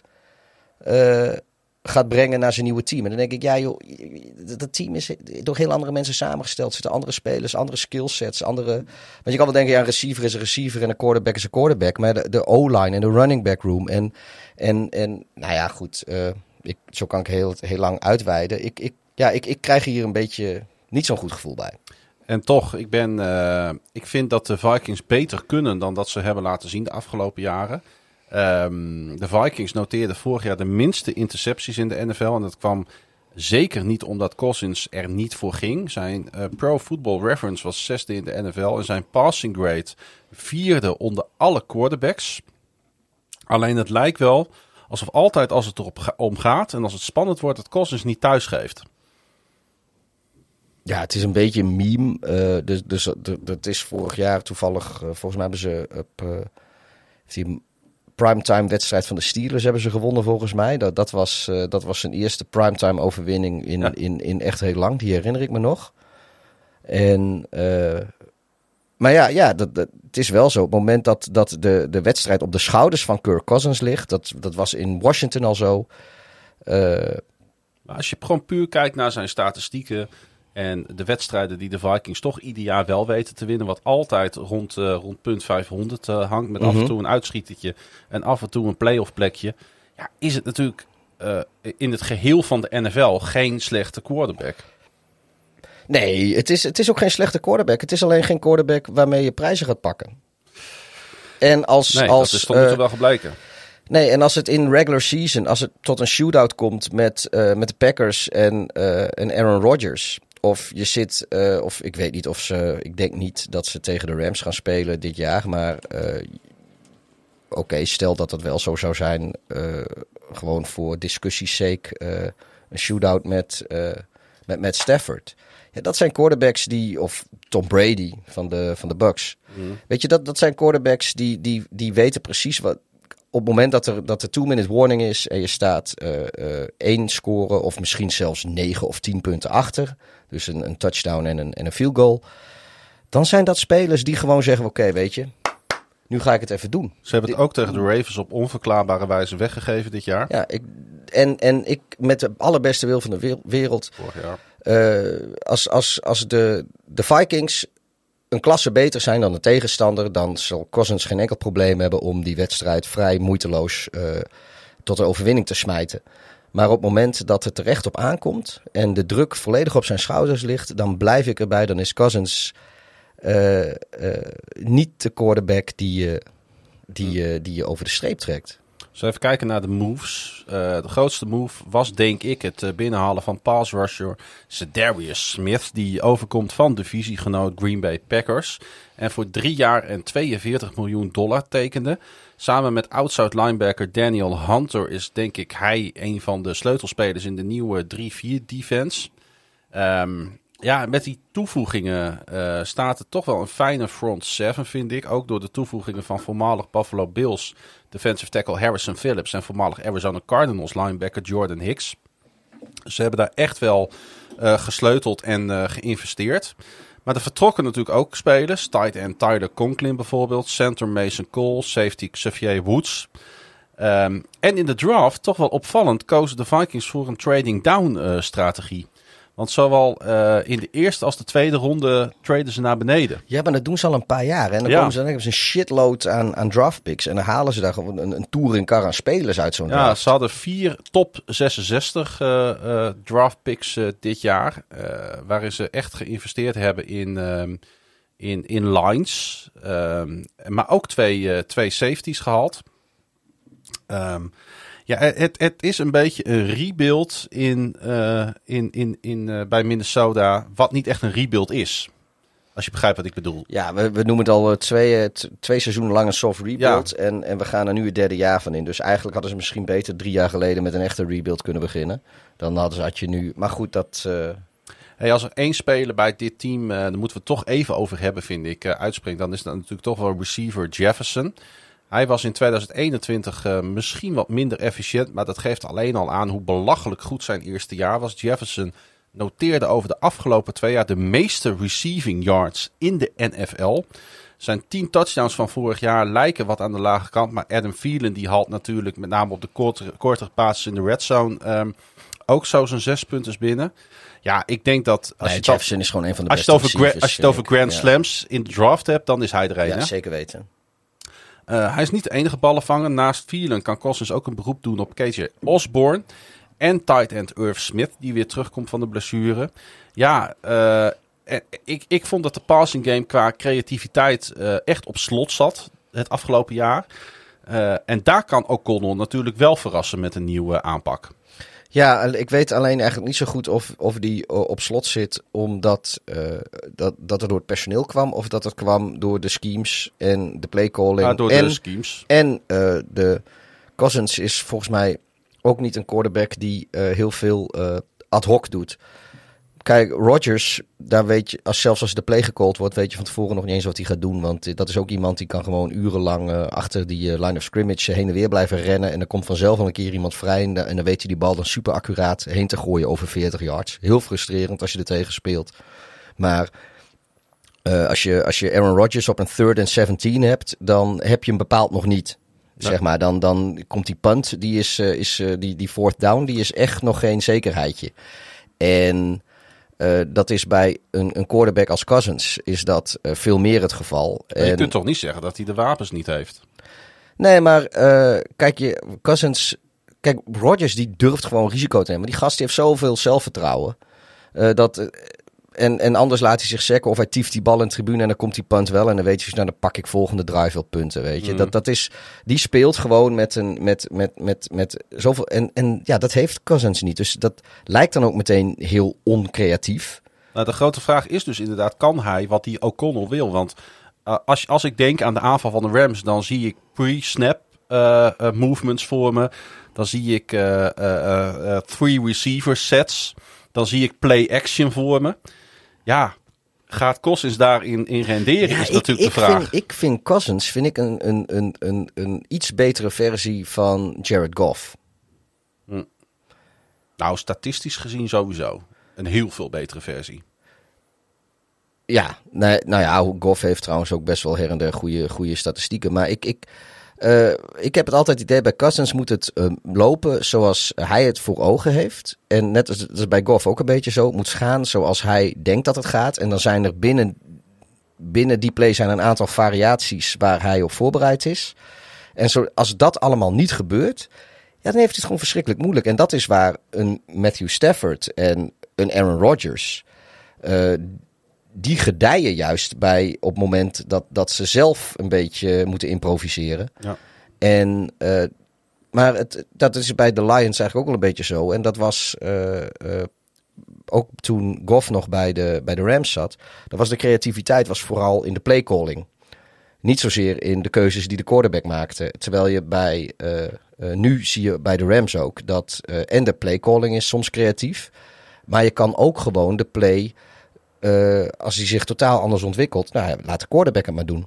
En ja, dat, dat, dat is hier dus niet. Dus ik weet niet of er heel veel uh, verandert in die zin. Natuurlijk kan de playcalling creatiever worden. En dat mag je hopen met iemand uit, uh, uit de school van McVeigh. Mm. Maar zodra de tegenstander, zeg maar de, de, de beoogde play, de, zeg maar de hot read en, en de tweede of derde read eventueel die er ook nog bij is, goed, goed dekt ja, dan weet ik niet of Cousins degene is die met de creatieve oplossing komt. Ik vind in ieder geval dat de Vikings de afgelopen jaren niet naar hun mogelijkheden hebben gespeeld. Sowieso defensief was het afgelopen jaar uh, één grote gatenkaas. Dertigste eindigde ze uiteindelijk in yards toegestaan. Nou, dat is natuurlijk voor de Vikings veel en veel te laag. Ehm, dus ze hebben ook een nieuwe DC. Eh, ik ben zijn naam even kwijt, maar de beste man loopt al meer dan 30 jaar in de, in de NFL rond. Ehm, ja, kijk, eh, er zou een leap in kunnen zitten. Als het allemaal snel in elkaar klinkt en eh, spelers, coaches en schemes die, eh, eh, die, die, die vallen in elkaar zoals het, eh, zoals het bedenken. En dan kunnen de Vikings met een misschien een Packers die iets in decline zijn, nog wel eens verrassen. Of Ja, zoek ook- ik veel te veel. Ik, ik vind dat je wel naar, heel eh, veel alsen eh, eh, aan elkaar rijgt. Ja, maar ja. In een, je, je, je- jouw is- voorspelling is... Of jouw, het, is, het dit- is augustus. ja, maar dit, je, hebt- je hebt echt een ketting van alsen. Als dit en als dat Ja, en know. als zus en als zo. Dat. Maar als je gewoon kijkt Maar het is net als naar... in Chicago. De shake-up alleen al is al positief nieuws voor de Minnesota Vikings. Ja, maar daarom geef ik dus eh, Chicago in principe hetzelfde als wat ik ze vorig jaar gaf. Eh, personeel is misschien iets minder, maar omdat eh, de andere, andere staf zit, heb ik zoiets dat gaat daarvoor compenseren. En ja, dat, ik, ik, ik, nu zijn ze qua personeel, vind ik dat, dat ze in Minnesota redelijk gelijk zijn gebleven. Maar we weten dus ook wat hun manco's zijn. Daar hebben ze dus niks aan gedaan. Mhm. En dat, daarbij eh, zit ik dus vooral met eh, dat je denk ik met, eh met Cousins niet de quarterback hebt om die extra stap te nemen. En als je wel met Cousins die... Cousins kan je wel naar een Super Bowl brengen, maar dat kan Goff ook. En dat kan Garoppolo ook bijvoorbeeld ook. Maar dan moet je eromheen zo verschrikkelijk veel talent hebben. En je moet zo verschrikkelijk goede playcalling hebben. Ja, en dat zie ik. Tuurlijk hebben de Vikings wel talent, maar ze hebben niet het talent wat de 49ers hebben bijvoorbeeld. Ze hebben geen eh eh, eh, Debo Samuel. En ze hebben geen, god heet die tight end van ze, waar ik nu weer niet op die naam kan komen, met die mooie lange blonde manen. Maar je weet wie ik bedoel. Ja, Kittel, tuurlijk, Kittel. Weet je, nee, maar dat zijn exceptionele talenten. En dat hebben ik ze. zit da- vol in de NFC North. En dan, Ja, nee, nee, maar goed. Nee, maar dat, dat zijn echt exceptionele talenten. En, Ja. en als ze dat soort spelers, weet je, als ze dat soort spelers hadden. Natuurlijk hebben wel Justin Jefferson. Maar ik Maar heb- da- dan kun je met, met eh, dan kun je Cousins maar kun je Pieter, compenseren. ik heb het hier niet over de Vikings die Super Bowl kandidaat zijn. Ik heb het over de Vikings die misschien ergens eh, wat dichter bij de Packers kunnen komen dan dat ze afgelopen jaren zijn geweest. Nou, als dat gebeurt, dan denk ik niet omdat de Vikings heel veel beter worden, dan is, of heel veel beter zijn, dan zou dat zijn omdat de Packers eh, eh, wat zakken. Ik denk dat het NN is, want ik ben eh, wel fan van de veranderingen die ze hebben doorgevoerd in Minnesota. Alleen of het eruit komt met deze onervaren coach, dat is de grote vraag. Weet je dat de laatste keer dat deze man plays heeft gecallt, dat was bij de Washington eh, voetbalteam in 2019. Toen eindigde Washington als 32e in scoring. Ja, ja dat En- is, is niet echt iets. En om, ik eh, zeg niet dat, dat, dat ook dat één hij zal, één hij is. zal de afgelopen drie jaar heus wel van McVee geleerd hebben. Dat is de enige reden waarom die gekozen Of wordt. de afgelopen twee jaar. Iedereen wil snoepen van de boom van McVeigh. En daar is hij denk ik het beste voorbeeld van. Ja, alleen eh, ja, niet, niet alle appeltjes eh, zijn even zoet eh, van die boom. Nee, exact. Oké, we gaan voorspellen. De Minnesota Vikings. zal ik beginnen? Nou, doe eens. Ik ga ze op een 9-8 eh, record neerzetten. Nou ja, zoiets eh, zie ik er ook wel in. 8-9, 9-8. Ik, vind het gelijk, ik zet ze gelijk met de Bears, wat dat betreft. Allebei 8-9? Ja, Zowel de 8-9, 9-8. Bears als de Vikings. Ja, weet je, ik vind het irritant dat die 8-8 er niet meer in zit. Nee. Want eh, Nee, je moet kiezen, Pieter. ah, 9-8, jongen, wat jij wil. Een Super Bowl winnen. Dat is niet makkelijk. Dat weet iedere NFL-volger. En vraag het Aaron Rodgers maar eens. Hij staat over het algemeen in het reguliere seizoen uitmuntend te ballen. Maar tijdens de playoffs wordt het een beetje een repeterend verhaal. Ergens wordt een wedstrijd verloren. En dan moet Van Rodgers... de Niners meestal. Ja, vier keer volgens mij al eh, in, de, in de historie. En dan moet Rodgers weer aanhoren dat hij slechts één titel achter zijn naam heeft staan. Verbijsterend. Verbijsterd, moet ik zeggen, waren de fans op Lambeau na de nederlaag. Inderdaad, in de divisional round tegen de 49ers. En dat terwijl de Green Bay Packers de number one seed hadden in de NFC. Een wedstrijd waarin de offense eh, helemaal onzichtbaar was. Special teams van een bedenkelijk niveau. En een block punt in het vierde kwart bleek de biggest play in de wedstrijd. Ja, wat dacht jij toen jij Aaron Rodgers toen het veld zag, eh, zag aflopen? Die komt niet meer terug? Oh nee, zo- dat, dat, weet, dat weet ik niet meer wat ik toen precies dacht. Ik had wel zoiets van... eh, Woehoe! Nee, ik had echt Oh. zoiets van, joh, wat... eh, hij keek zo... eh, Waar hebben we naar zitten kijken, dacht ik wel. nou, hij keek zo ver ongelijkt. Ja. En eh, vooral had ik het idee niet, niet zozeer met zichzelf, maar met alles om hem heen. En nou, dat heb ik, dat kunnen mensen die, dat, die daar heel nieuwsgierig naar zijn, kunnen nog wel die, de podcast terugluisteren naar de divisional rounds van, van vorig seizoen. Ook hier zeggen we weer van ja, special teams is van bedenkelijk niveau. Ja, en ook de defense van Green Bay, die kreeg her en der wel de schuld. Maar ja, eh, die hebben elf punten weggegeven, geloof ik. Ja. Een, een blokpunt voor een touchdown. En, eh, en, en ja, wat, wat is Oh, tien, wat, ja, weet ik veel. eh, Zoiets, ik weet ook niet meer precies. Ja, nou ja, of- dat ze two-point... Ik weet het niet eens meer, vol- volgens mij. Maar in ieder geval, ze hebben 10 of 11 punten gescoord, volgens mij, die, die 49ers. En dat was gewoon genoeg om te winnen.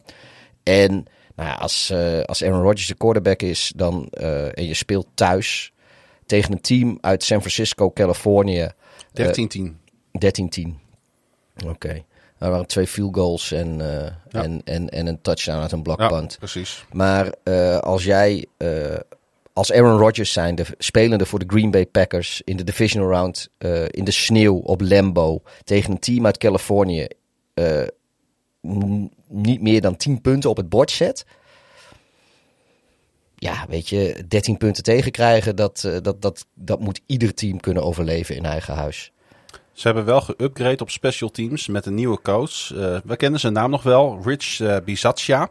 Hè, vorig jaar de interim headcoach bij de Las Vegas Raiders Uh-huh, natuurlijk, waar ja. hij het echt heel goed gedaan heeft. Dus ze hebben daar wel een grote naam eh, binnengehaald.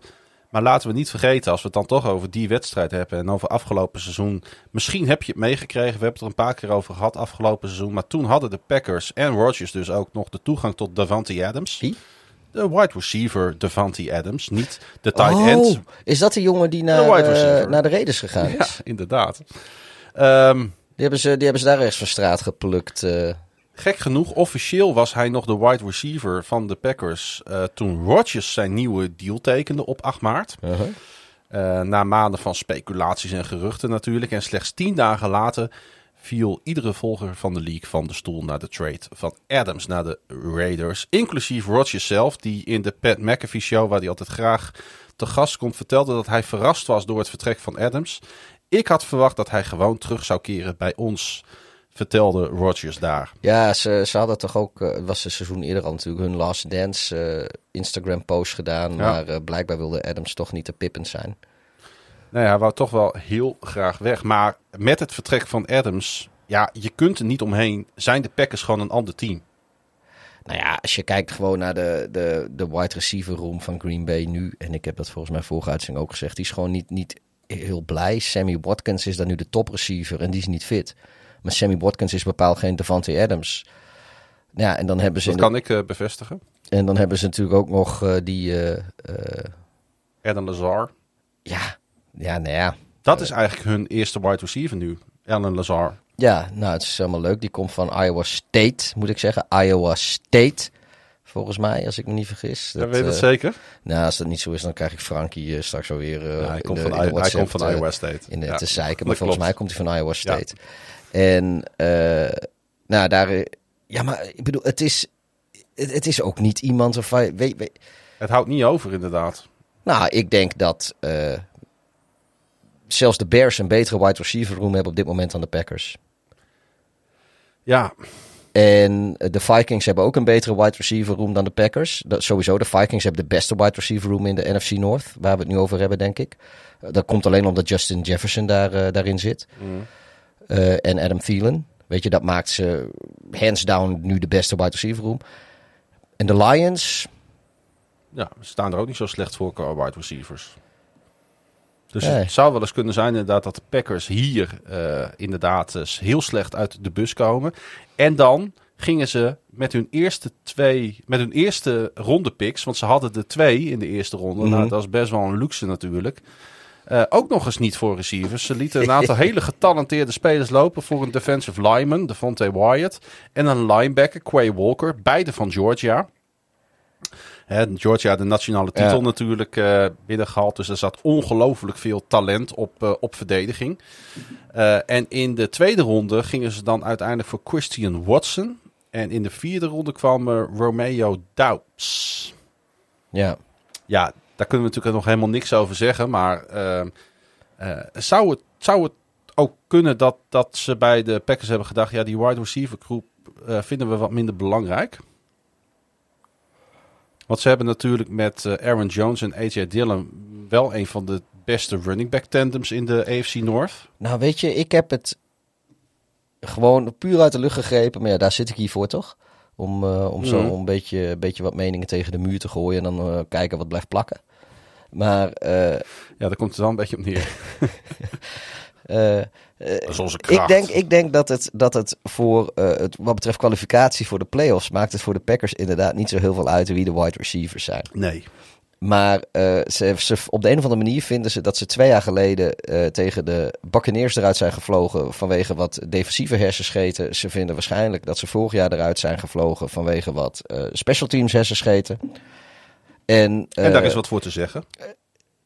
ja, maar in, in, in beide gevallen eh, was het ook het feit dat, dat eh Devante Adams de enige receiver was eh, waar Rodgers de bal naar gooit zodra het een passing game wordt. En dat dat heel voorspelbaar is. Dat speelde best wel mee. En zowel de Niners als de Buccaneers hadden uitste zelf uitstekende defenses. Nou, je double-teamt eh, hun beste receiver. En eh, daarna ga de rest ga je een beetje met zo'n defense eh, gedisciplineerd verdedigen. En dan kom je een heel eind. Eh, daar had Rodgers het verschil moeten maken.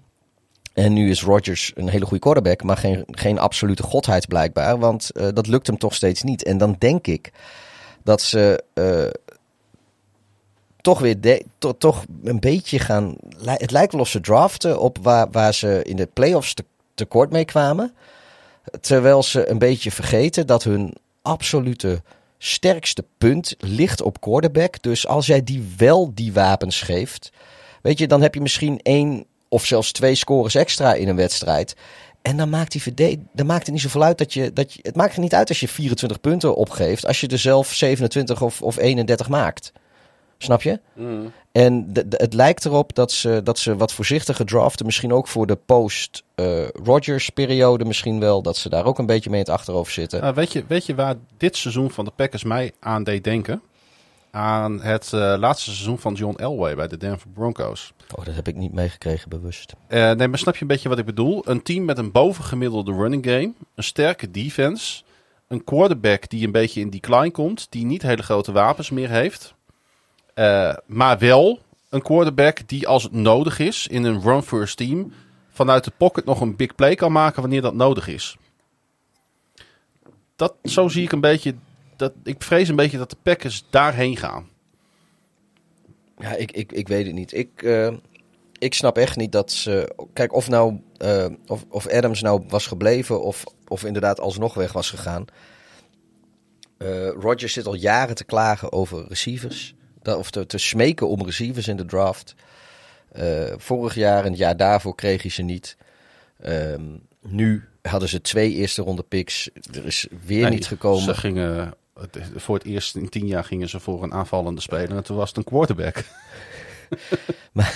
Maar eh, ja, ik, ik, ik denk nog steeds van. eh, weet je, doet, me doet me soms een beetje denken aan toen Marco van Basten bondscoach was. En wij daar ergens, volgens mij, op eindtoernooi in Duitsland tegen Portugal moesten spelen.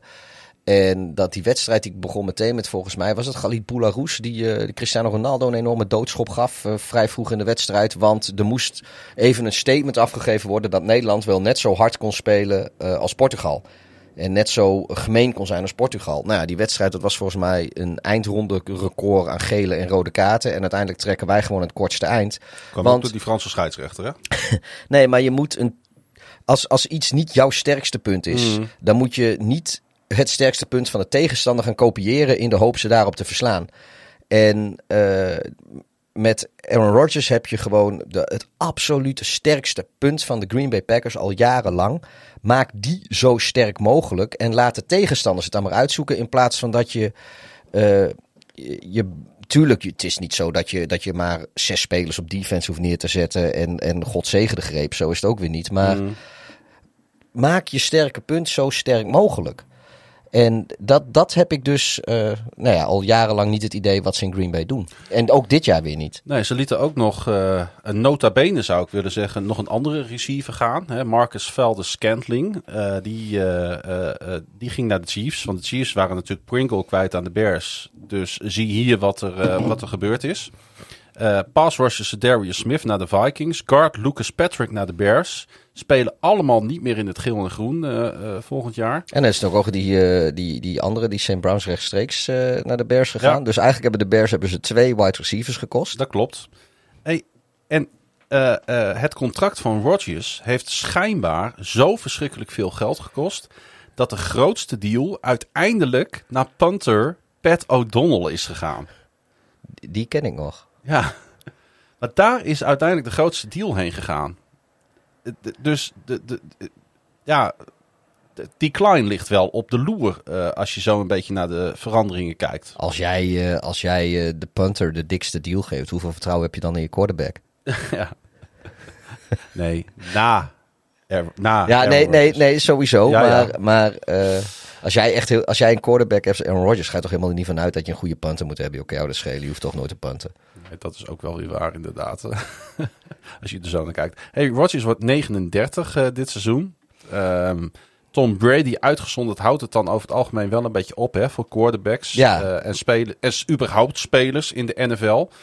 Um, Rodgers is een outlier op heel veel gebieden, denk ik. Maar um, ik, ik, ik u, kun je überhaupt afvragen of de Packers wel hadden moeten vasthouden aan Rodgers? Dat ze, ze hebben heel erg hun best gedaan om Rodgers binnenboord te ik houden. Ik denk, nou ja, ik, ik, als, als ik zie wat, uh, wat, wat de Broncos hebben opgegeven voor uh, uh, Russell Wilson. Dan ga ik ervan uit dat de Packers min, minimaal hetzelfde hadden gekregen voor Rodgers. En misschien nog wel een heel klein beetje extra. Misschien nog een pikkie erbij of een wat hogere ronde pick of wat dan ook. Um, ik geloof nog steeds niet in dat, dat ze er in Green Bay van overtuigd zijn dat Jordan Love de opvolger is. Nee. Dat, uh, dat roep ik ook volgens mij al twee jaar dat hij gewoon niet zo goed is. En ik, ik blijf daarbij. Uh, dat was denk ik geen eerste ronde pick waard achteraf. Maar uh, hoe moeilijk het ook is om jezelf van een nieuwe quarterback te voorzien. Ik, ik heb het idee dat dit en anders uh, hooguit volgend seizoen het toch echt wel gebeurd is met Aaron Rodgers. In Green Bay sowieso. En dan moeten we er ook nog maar van uitgaan dat hij dit en volgend seizoen uh, van het niveau is wat we van hem gewend zijn. Uh, misschien waren al die, al die, die, die shitload aan picks en, en de enorme ruimte die je op je cap hebt als je hem laat gaan. Misschien was dat wel verstandiger geweest ja. voor, voor, voor de... Dat is inderdaad eigenlijk ik, waar ik, ik op hint. Uh. Weet je, je, misschien dat ik in uh, half februari in één keer alle luisteraars hier uh, uh, met, met, met, met lange, lange toeterende neuzen en, en, en tong uitsteken. Om, maar ik denk niet dat je met, met Rodgers in dit Green Bay dat je een Super Bowl gaat winnen dit seizoen. En ik zat een beetje te kijken naar de uitslagen van het vorige seizoen. De Packers waren in wedstrijden waar het verschil minder dan drie punten was, 5 en 1 dat laat zien hè, hoe flinterdun natuurlijk het koord is waarop teams balanceren in de NFL. Als nou een paar wedstrijdjes dit seizoen, omdat het gewoon het roster wat minder is, Aaron Rodgers een klein beetje in die klein komt, net de andere kant op flippen. Ja, ja ik denk wel dat dat deels komt omdat Rodgers. Kijk, Green Bay geeft natuurlijk wel redelijk wat weg. Maar die spelen er eigenlijk altijd een beetje op om Rodgers vlak voor het einde nog een keer de bal te geven. En uh, dat Tom Brady nou, bijvoorbeeld doet dat ook. En da vond, daar, pak je, uh, nee, maar daar pak je dan vaak nog die winstpartijen mee. Weet ik niet. Ik heb echt het idee dat uh, het Maar- merendeel van de zegers van vorig jaar te danken is geweest aan de defense. Met die sterspeler Jair Alexander. Maar ook eh, die andere corner, Rasul Douglas heet hij volgens mij. Uitmuntend hebben ze geresigned. Eh, ze hebben in Preston Smith een geweldige edge rusher. Adrian Amos. Eh, ja, de Die, eh, safety eh, Adrian Amos, die, die- inderdaad echt furoren aan het maken is bij de Packers. Die, die blijkt in één keer wel intercepties te kunnen maken. Ja, maar ze hebben natuurlijk ook een paar geweldige linebackers. De Von Campbell noem ik bijvoorbeeld. defensive lineman Kenny Clark. Ehm Rashawn Gary. De eerste ronde pick in 2019 volgens mij, outside linebacker. Ik heb echt het idee dat, en met de draft toevoeging die ze hebben gedaan, met de free agency toevoeging die ze hebben gedaan. Ja, uh, de defense was al top 10 vorig jaar. Dat, dat moet het dit seizoen weer makkelijk natuurlijk kunnen worden. Ja, maar ik denk niet dat de Packers overal beter zijn geworden ten opzichte van vorig jaar. Nee, dat denk ik ook niet. Ik denk wel dat de defense beter is geworden. Ik denk het enige wat, uh, wat de Packers ook uh, waarschijnlijk weer tot een. Die, die gaan met gemak weer het postseason halen. En ook best kans dat, die, dat ze de NFC Championship games die ze eventueel misschien ook nog wel weer halen. Maar dat is niet zozeer omdat ze zelf de boel zo goed voor elkaar hebben. Om gewoon dat de NFC gewoon niet zo heel best is. En daar, daar zijn geen geen echte teams meer die er, die er bovenuit springen. Los van de NFC West, denk ik. Goed, gaan we voorspellen. Jij mag beginnen. De Green Bay Packers in 2022. En een klein beetje 23. Uh, ik zou willen zeggen 10, maar ik maak er 11 van. Want uh, ach, ja, een beetje in, die, in hun eigen divisie uh, maar houden ze wel weer een beetje huis, denk ik. Sorry, ik zet ze wel op 10. Op, uh, op 10-7. En ik heb de Vikings natuurlijk op 9-8 gezet. Uh, want ik denk dus wel dat het spannender gaat worden dan, uh, dan iedereen denkt. Oké. Okay. We gaan het zien. Hey, de NFC North hebben we hierbij gehad. Toch bijna anderhalf uur, denk ik. In plaats van een uurtje wat we zouden doen. Maar dat komt ook omdat ik... kwam ook door het laatste nieuws. Ja, volgens mij hebben we veel te lang over de Bears gepraat. Ik merk ook dat mijn eh, stem uh, het, uh, al een klein beetje aan het begeven is. Um, de volgende voorspelling die we gaan doen, Pieter, is de, de, de NFC, South. South. Die gaan we komend weekend doen. We gaan het een beetje spreiden over de komende weken, want anders hebben wij ook geen leven meer. Um, um, ja, ik hoop voor jou, lieve, lieve, lieve Pieter, dat de Chicago Bears een goed seizoen gaat draaien dat leuk is om naar te kijken. Misschien is dat wel het allerbelangrijkste. Jo, ik ga zaterdag eerst lekker kijken naar die pot tegen de Chiefs volgens mij, vriendschappelijk. En dan, uh, dan ben ik alweer blij, want dan zie ik uh, bewegende uh, donkerblauwe met wit en oranje shirtjes. En daar word ik altijd vrolijk van. Mocht je nou waarderen wat wij maken, al deze tijd die, we, die wij erin steken, dan kun je ons een klein beetje financieel ondersteunen door lid te worden op onze petje.af pagina nfl op woensdag.nl. Wil je mij volgen op Twitter, dan kan dat via @klaasiegrun, dubbel A, dubbel S, dubbel N. Krijg ook heel veel voetbal, gezeur tussendoor. Pieter via Ed. Uh, Darth laagstreepje hideous. En uh, de volgende is dus de NFC South. En uh, ik denk dat uh, dit een goed moment is om iedereen te bedanken voor het luisteren. En tot de volgende. Beste mooi weer.